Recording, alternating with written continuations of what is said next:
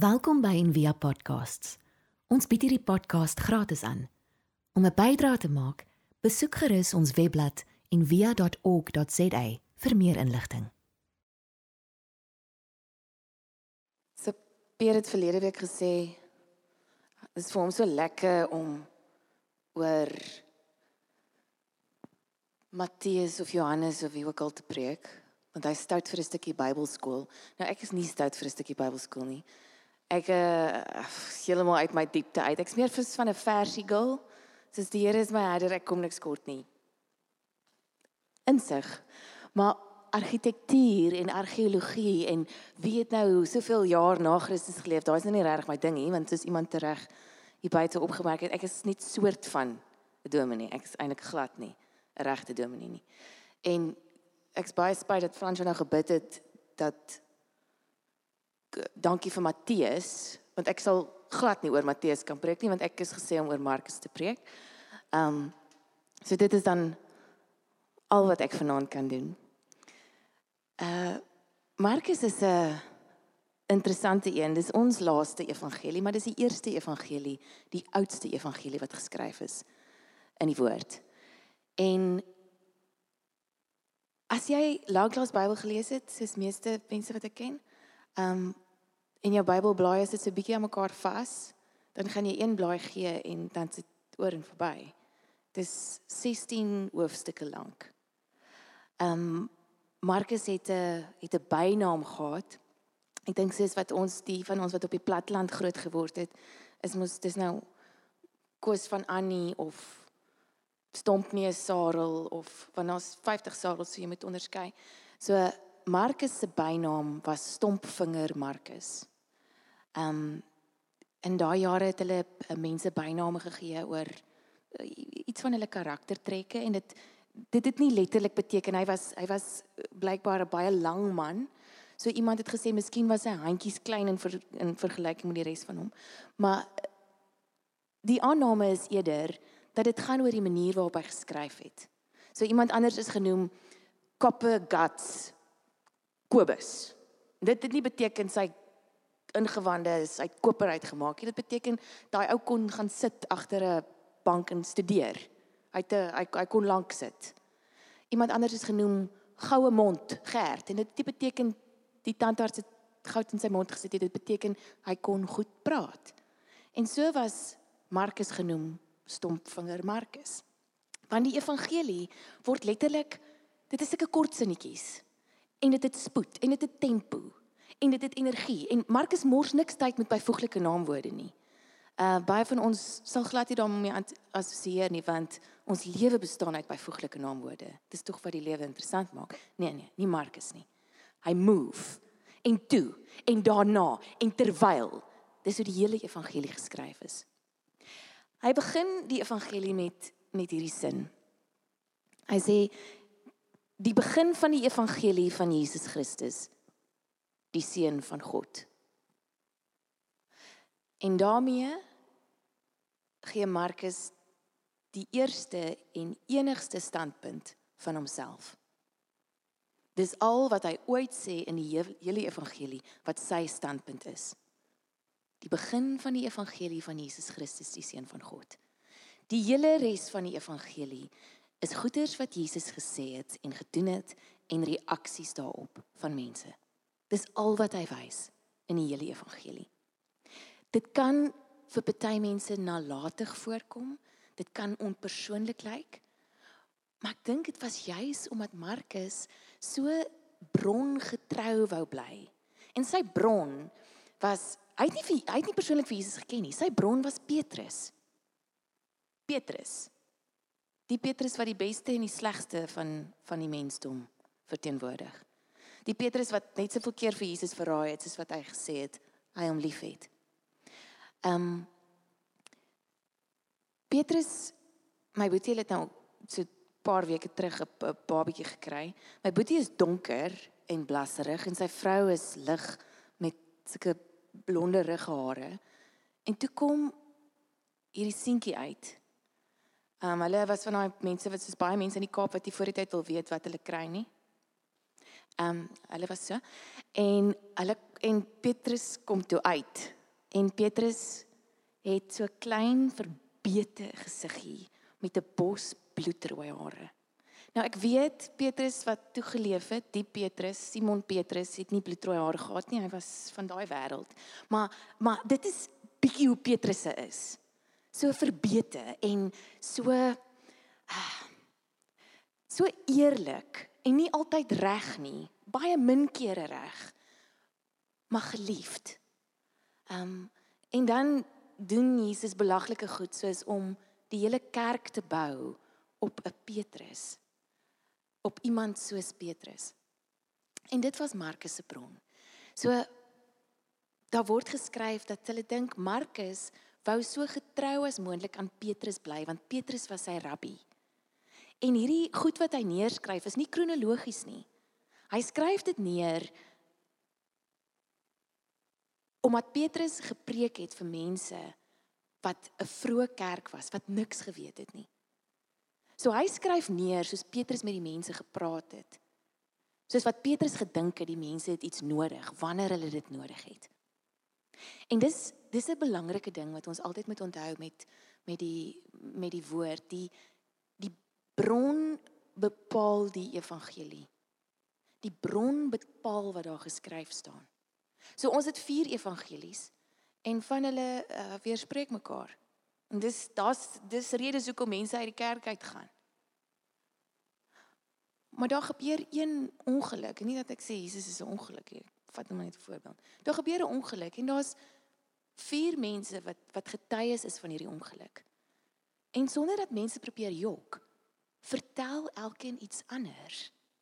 Want ons kyk deur verskillende lense. Ons sien nie goed soos wat dit is nie, ons sien goed soos wat ons is. En dit is eintlik wat die evangelies beautiful maak. Wat dit wat dit lieflik maak om te sien want dit is verskillende mense wat skryf oor Jesus. Nou ehm um,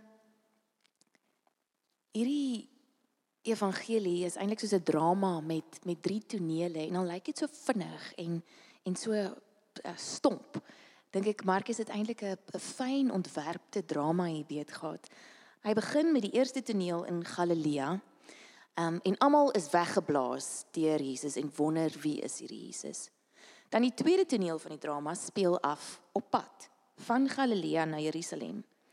En die grootste deel van hierdie drama bestaan uit die disippels wat sukkel om te begryp wie hulle rabbi is. Hulle sukkel om te begryp wie Jesus is. En die derde deel van die drama is in Jerusalem en die verrassende paradoks dat hierdie uh, Jesus die Messias is of die die koning. Nou net na die eerste sin van Markus, ehm um, begin hy beskryf aanhalinge van die profete soos Jesaja en ehm um, Malagi en dan sê hy Johannes die Doper word voorgestel as die boodskapper. En nou nou verwag ons dat God persoonlik sy opwagting moet maak na Johannes die Doper voorgestel word as die boodskapper. En dan stel Markus bitter vinnig vir Jesus voor terwyl dit daarna dit en so volg Jesus se doop. En drie groot tonele die die getal 3 is nogal ehm um, insiggewend in die evangelie van Markus in die hele Bybel, maar in Markus veral. En die eerste sleuteltoneel in Markus speel af waar Jesus gedoop word.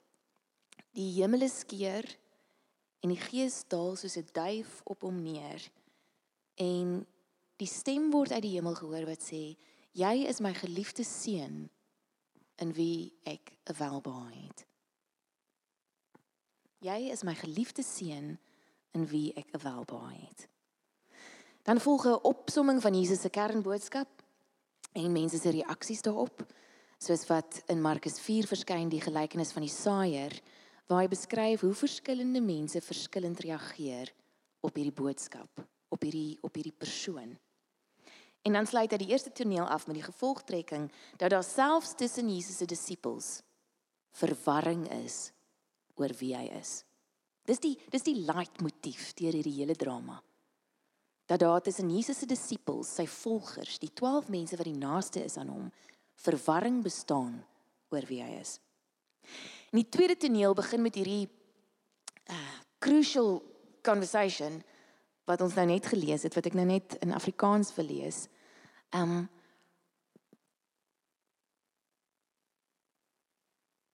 En hierdie gesprek vind twee keer nog plaas, maar hierdie eerste gesprek is in Markus 8 met sy disippels. Jesus hulle is van daar af na die klein dorpies rondom Caesarea Philippi toe terwyl hulle op pad was, vra Jesus sy volgelinge: "Wie sê die mense is ek?" Hulle verskil nogal daaroor kom die antwoord. Party sê u is Johannes die Doper en ander Elia. En dan sou 'n klompie wat dink u is een van die spesiale boodskappers van God.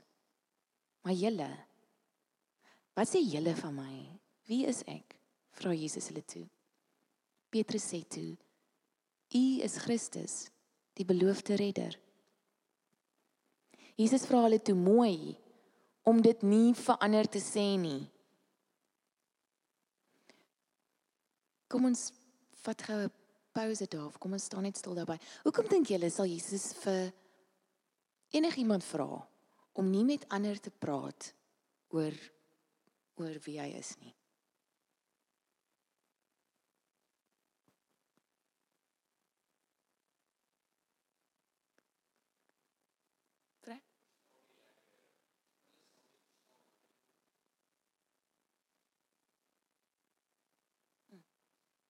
Ja. Ek dink dit is oor die algemeen eintlik 'n goeie beginsel vir mense wat sopas die Here gevind het. Um, want so mooi soos die entoesiasme is, so uh gevaarlik is dit baie keer om mense uit te nooi na herlewingsfunksies en mense met gebreekte arms te laat glo hulle um, arms gaan nou ongebreek uh, raak na die funksie. Jesus weet hoe hoe gevaarlik eh, hierdie boodskap van hom is. Hoe radikaal dit is.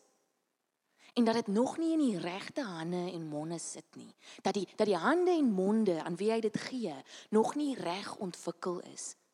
Nog nie verstaan waaroor dit gaan nie. Dan gaan dit aan. Hy sê, toe begin hy met hulle oor homself praat. Hy vertel hulle dat die redder, die seun van die mens, baie swaar gaan kry en dat al die belangrikste leiers van die Jode of dit op politieke of godsdienstige gebied is teen hom gaan draai. Hulle gaan hom doodmaak. Maar na 3 dae sal hy weer lewendig word. Jesus het niks weggesteek nie. Petrus gaan staan toe eenkant met Jesus en sê vir hom dat hy nie so moet praat nie. Dis dis Petrus. Hy praat so met Jesus. Jesus het egter omgedraai en na sy volgelinge gekyk. Hy praat te streng met Petrus.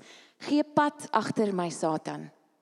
Die eerste keer en die enigste keer dat Jesus ooit 'n mens so aangespreek het. Al wat vir jou saak maak, is wat mense wil hê. Jy gee nie om wat God wil hê nie. Jesus roep die ander mense ook na hom en sê en sy volgelinge toe en begin met hulle praat. As iemand my volgeling wil wees, moet hy sy hele lewe vir my gee. Ek sal met niks minder tevrede wees nie. Om my te volg is nie altyd maklik nie. Dis soos om jou eie kruis na jou dood te moet dra as ek dit van jou vra. Dis soos om jou eie doodsvonnis te teken. As jy net vir jouself wil lewe, sal jy uiteindelik jou lewe vir ewig verloor. As jy egter bereid is om alles wat ek vra vir my te gee, al is dit ook jou lewe, sal jy uiteindelik jou lewe vir ewig behou. Jy moet die keuse doen. Maar vra eers vir jouself die volgende vraag: Wat help dit as al die skatte in die wêreld joune is, maar daar is nie vir jou plek by God nie? 'n Mens kan nie vir jou 'n plek by God koop nie met al die geld in die wêreld nie.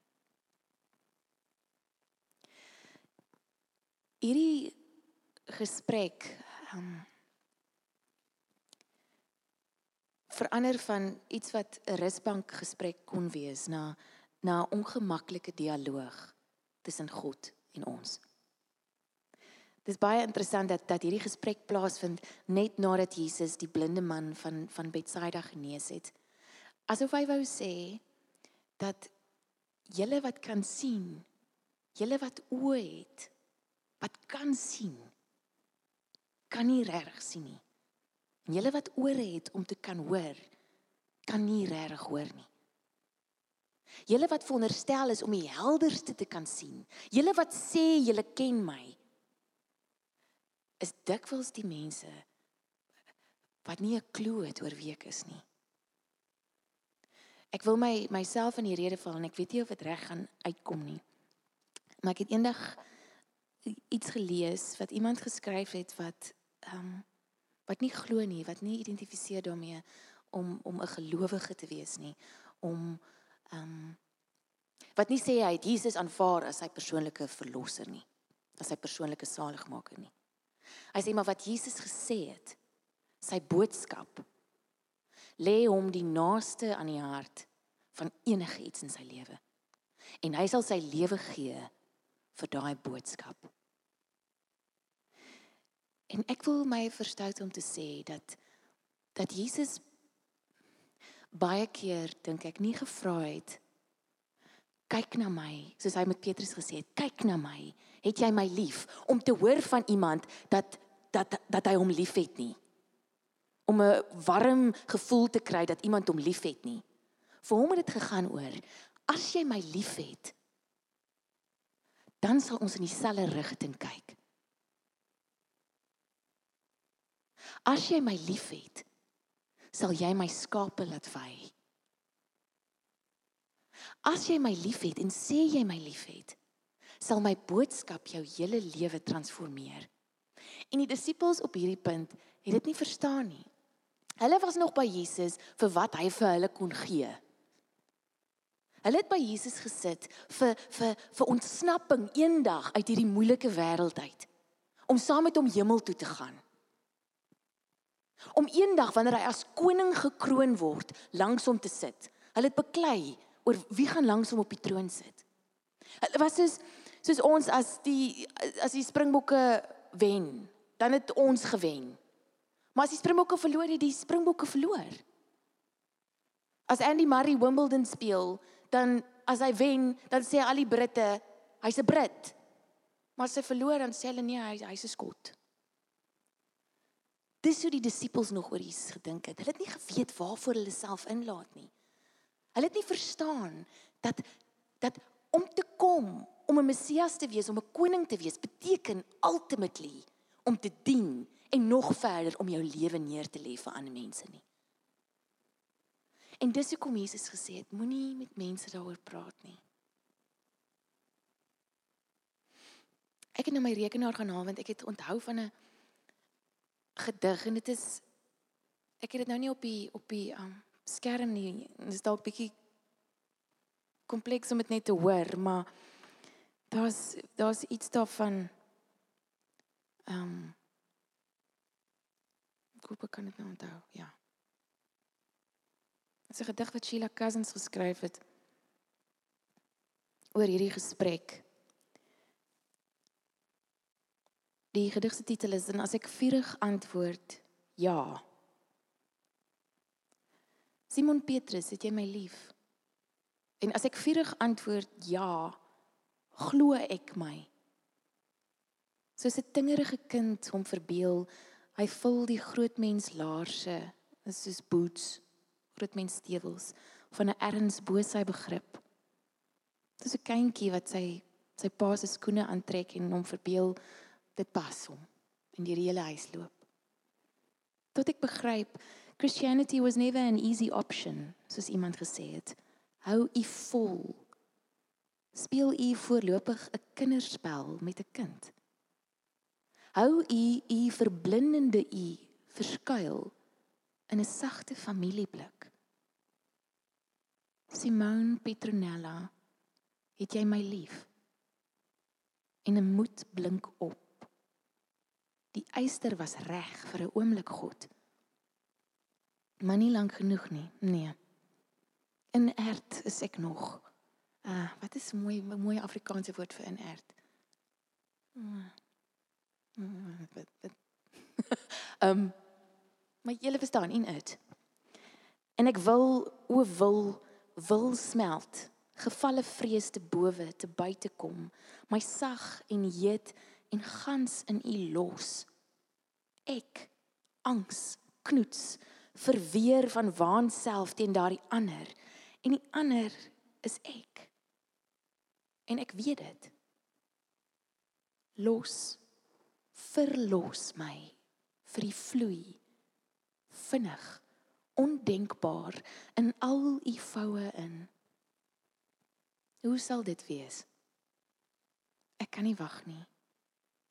Wat hou my teë dan God? Iets wat my brokke verdowing voer en fluister kindike clean. My sis, sis en al hoe jaloerser, hoe sterker u stoot deur my rug vir die losruk. Die sprong in my reg in. U in my heilige eie wil in. En Cousin sê dit nou baie beter as wat ek dit kan kan kan opsom dat dat ons dink, ons glo ons het die Here lief. Ek het in, in my Bybel het daar so ding wat ek in Sep A geskryf het.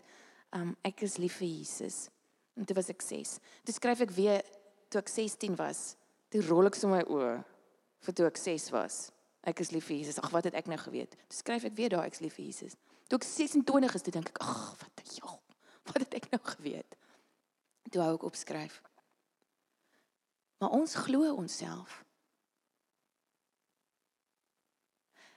En dan dan vra hy hy sê maar in 'n sagte familieblik soos wat wat wat sy skryf daar.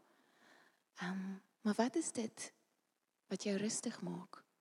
Wat is dit wat vir jou verdowing voer? Waarna anders gryp jy alles in hierdie wêreld? Vir 'n oomblik.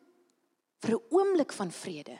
Vir 'n oomblik van van 'n gevoel van van liefde.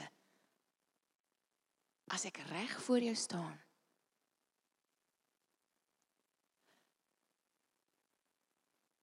En dan sê Petrus vir hom, moenie so praat nie. Asseblief moenie so praat nie. Moenie praat van dat jy eendag gaan doodgaan nie. Moenie praat van dat ons nie gaan ryk wees nie. Moenie praat van dat jy nie eendag vir ons ultimate roem en status gaan gee nie.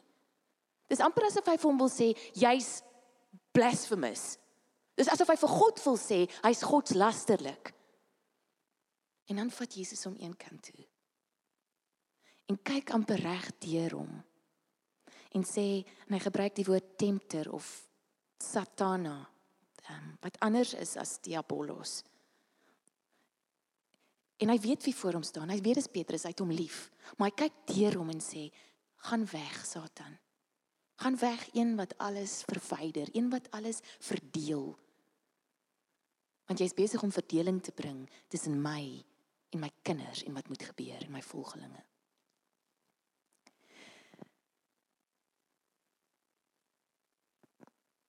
Dis baie maklik om in um in die derde persoon te antwoord om God se papegaai te wees. Um oor enigiets, oor enigiets groots, oor enigiets wat in die wat in die Bybel staan, oor enigiets wat in die wêreld gebeur. Maar hierdie gesprek keer alles op sy kop. Um Ja, ons sal reg aan die einde weer terugkom daarna. Die sleutelstorie, die volgende sleutelstorie gebeur in Markus 9 net daarna. Jesus gaan met twee van sy disippels op na die berg toe en dit sê daar kom 'n wolk wat hulle oordek en uit die wolk kom 'n stem wat sê dit is my geliefde seun luister na hom. Die tweede keer. Die tweede keer wat dit gebeur, dit dit ekho amper Markus 1. Asof Markus wil suggereer dat Jesus die fisiese beliggaaming is van van God se glorie. En um, hierdie hoofstuk begin vir my so mooi as mens ooit gewonder het wat wat Jesus bedoel het met die met die ewigheid of met met die hemel. Hy sê en Jesus sê vir hulle Voorwaar ek sê vir julle en dit is nou net voor hulle by die berg opgegaan het. Daar sommige van die wat hier staan wat die dood sekerlik nie sal smaak voordat hulle die koninkryk van God met krag sien kom het nie. Daar's sommige van julle wat hier staan wat nie sal doodgaan voor julle die koninkryk van God sien kom het nie. Waar hy homself weer ekho wat hy sê die koninkryk van God is at hand. Die koninkryk van God is in julle. Dis nie 'n ontruimingsplan vir eendag nie. Dis nou. Dis hier. En dan gebeur hierdie hierdie volgende sleutelstorie. Dan die derde toneel is die een wat ons baie goed ken. Dit is hierdie publieke amper paradoksale intog in Jerusalem op die op die esel dan die laaste pasga, dan die inhegtenisname, die verhoor en die kruisiging. En dan gebeur die die derde sleutelstorie. Jesus hang aan die kruis en sy laaste woorde wat ons van weet was wat?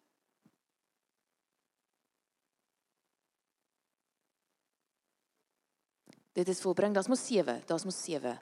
Maar die ene wat hulle nou in die een wat Markus nou luister, Markus mos net tyd gehad vir al die goed. Jesus sê, "My God, my God, waarom het U my verlaat?" En dan word dit donker. Behalwe die keer is daar nie 'n wolk nie. Dis stikdonker. En dan is dit Jesus se stem wat uitroep en dan kom die groot verrassing. Nie God se stem nie. Nie God se stem wat sê wie Jesus is nie. Maar 'n Romeinse soldaat die eerste en enigste keer in hierdie storie van Markus wat iemand Jesus herken. Wat iemand hom herken vir wie hy is. Iemand wat niks van hom af weet nie, iemand wat nie aan hierdie geloof behoort nie.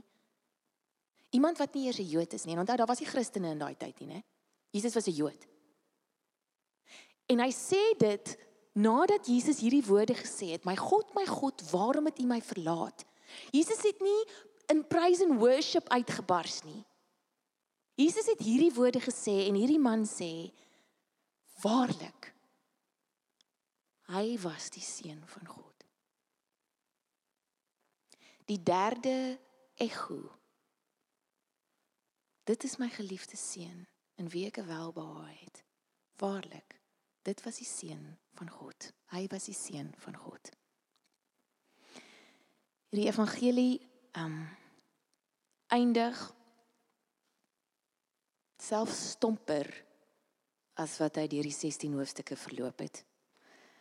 Ek uh, lees vir julle die die oorspronklike einde en soos vele ander goeters, um het mense toe gevoel ek dink hulle het gevoel dit is so stomp en onbevredigend dat hulle dit nie so kan skryf nie. Toe skryf hulle nog ekstra 12 versies by wat Markus nie geskryf het nie. Dis is met enigiets, die psalms. Die psalms was destyds vol longe en niere en my ingewande lê op die grond. Dan skryf hulle dit maar so na 'n tydjie oor en sê hulle nee, my kop verlang na U. Daar het gestaan my niere lê op die grond. Nee, of my hart soek na U. Dis dit dit is dis vir mense vreemd en dan verander hulle dit om om meer verteerbaar te maak, om beter te klink. Maar die evangelie het so geëindig. Dis nadat Jesus aan die aan die vrouens verskyn het. Hy het opgestaan. Dan eindig dit. Toe gaan hulle hastig uit en vlug van die graf af weg en bewing en ontsetting het hulle aangegryp. En hulle het vir niemand iets gesê nie want hulle het gevrees. The end. Net so. Niemand sou opspring na hierdie drama en en ander klap nie.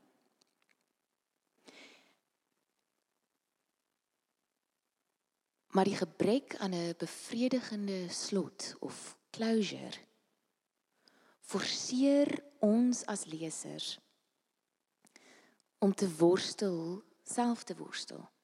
Om te hoor soos wat Sheila Cousins gehoor het, Simone Petronella. Om jou naam te hoor. Wie sê jy is ek? Gaan jy ook weghardloop? sê jy ook vir mense jy's soos een van my disippels jy leef naby aan my jy sit elke sonderdag in die kerk maar jy het eintlik nie 'n idee wie ek is nie hierdie hierdie einde praat met my en jou En hou dit oop en en en stuur dit direk na die leser of die luisteraar toe. Wie sê jy is ek?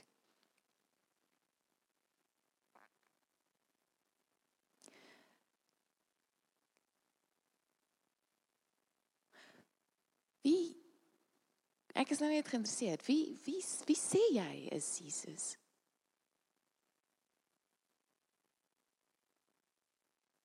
As iemand vir jou 5 sekondes gee, of hy vir jou gee in die lift.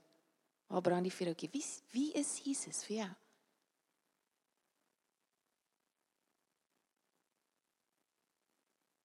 Dit is soort van retories nie, maar as ons dit so hou, dan hou ons dit so.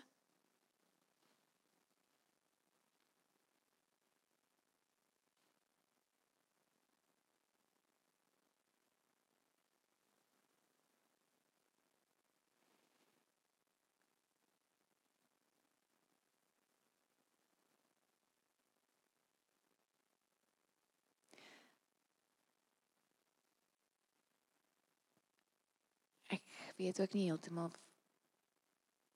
tans wat om daarop te antwoord nie. Maar ek ek ek hoop en en bid wanneer ek bid. Op die oomblik is dit uh het ek tyd vir skietgebede wat ek hoop sufficient is. Um dat die Here dit hoor en en weet dis wat ek nou het. Maar ek hoop dat die dat die sentimente en en ideologieë en dit wat ons dink op papier sal kan transformeer in in 'n in 'n werklike radikale leefstyl. En met radikaal bedoel ek nie jy trek balie toe nie. Ek bedoel radikaal beteken uh, rad, radix beteken wortel. Om na die wortel toe te gaan. Waar waaroor het Jesus gegaan? En om ons lewe so in te rig. Want dit is 'n belydenis. Nie noodwendig as iemand vir jou vra om in woorde iets te sê nie.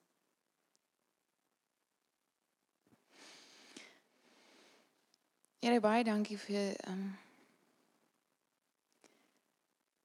vir u liefde wat wat wat meer is as uh, marshmallows wat wat tot op die wortel gaan, wat tot op die been gaan en en en so sag met ons omgaan. Wat u verblindende u verskuil hou dink baie keer as ek geweet het met wie ek deel, as ek werklik besef het met wie ek deel, sou ek sou ek dalk wakker geskrik het. Maak ons wakker, Here. Moenie dat ons in vrees en bewering weghardloop vir alles wat in ons wêreld en in ons lewenssituasie na ons toe kom nie. Maar dat ons die die moed het om om deur daai situasie te val na ons ware lewe toe. Die lewe waartoe U ons uitnooi wat nie te maak het met wat mense van ons dink of die goed wat ons het of hoeveel beheer ons het nie. Maar maar wie ons is in U en wie U vir ons is. En en en dan bo alles wie U reg is. Dankie vir 'n gemeenskap waar ons kan ehm um, oop wees oor oor waar ons is en en dat u weet van watter stofasie ons gemaak is. Amen.